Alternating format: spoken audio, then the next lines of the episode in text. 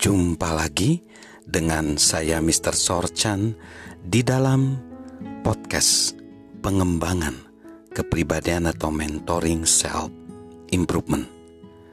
Saat ini konteks besar kita adalah setiap orang berkomunikasi tapi sedikit yang terkoneksi.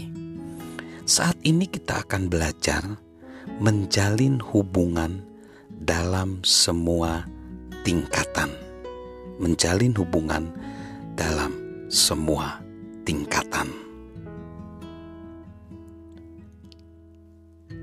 Sahabat Mr. Sorchan, menjalin hubungan itu terdapat tiga tingkat secara pribadi dalam sebuah kelompok dan dengan sekelompok pendengar.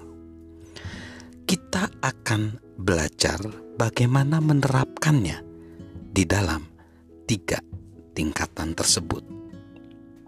Namun, yang pertama adalah apakah prinsip menjalin hubungan?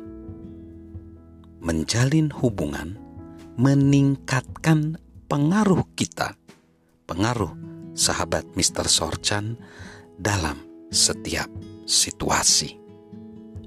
Menjalin hubungan adalah meningkatkan pengaruh sahabat dalam setiap situasi. Dan apa konsep utamanya dari menjalin hubungan?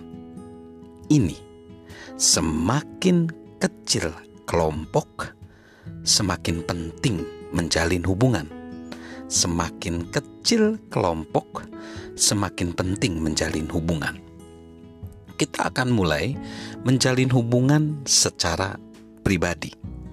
Berhubungan dengan orang lain secara pribadi itu lebih penting dibanding membangun hubungan dalam sebuah kelompok atau sekelompok pendengar. Mengapa? karena 80 sampai 90% persen hubungan terjadi pada tingkat ini. Dan di sinilah kita menjalin hubungan dengan orang-orang yang paling penting bagi kita. Seberapa baik kita menjalin hubungan dengan teman-teman, keluarga, kolega, dan rekan sekerja untuk meningkatkan pengaruh kita secara pribadi, satu lebih banyak bicara tentang orang lain dan sedikit bicara tentang diri kita sendiri. Persiapkanlah dua atau tiga pertanyaan yang dapat kita ajukan kepada seseorang sebelum suatu pertemuan atau perkumpulan sosial. Yang kedua, bawalah sesuatu yang bernilai, seperti kutipan yang bermanfaat, cerita, buku, atau sesuatu untuk diberikan kepada seseorang saat kita bertemu dengannya. Ketiga, saat menutup percakapan, bertanyalah, apakah ada sesuatu yang dapat kita lakukan untuk menolong mereka dan berikan tindak lanjutnya. Pelayanan kita memiliki dampak besar yang akan bertahan lebih lama dibanding kata-kata. Yang kedua, menjalin hubungan dengan kelompok. Untuk menjalin hubungan dengan kelompok, kita harus mengambil inisiatif dengan orang-orang dalam kelompok tersebut. Untuk itu, lakukanlah hal-hal berikut ini. Yang pertama, carilah cara untuk memuji orang-orang dalam kelompok itu atas ide-ide dan tindakan-tindakan mereka. Yang kedua, carilah cara untuk memberikan nilai tambah bagi orang-orang dalam kelompok itu dan apa yang sedang mereka lakukan. Ketiga, jangan menahan pujian saat kelompok itu berhasil dan jangan mempermasalahkan mereka ketika mereka gagal. Yang keempat, carilah cara agar kelompok itu dapat merayakan keberhasilan bersama-sama. Lalu tingkatan yang ketiga, menjalin hubungan dengan pendengar atau audiens. Salah satu cara terbaik untuk belajar bagaimana menjalin hubungan dengan sekelompok pendengar adalah dengan mengamati para komunikator yang telah melakukannya dengan baik. Belajarlah dari mereka dan gunakanlah dengan gaya kita sendiri.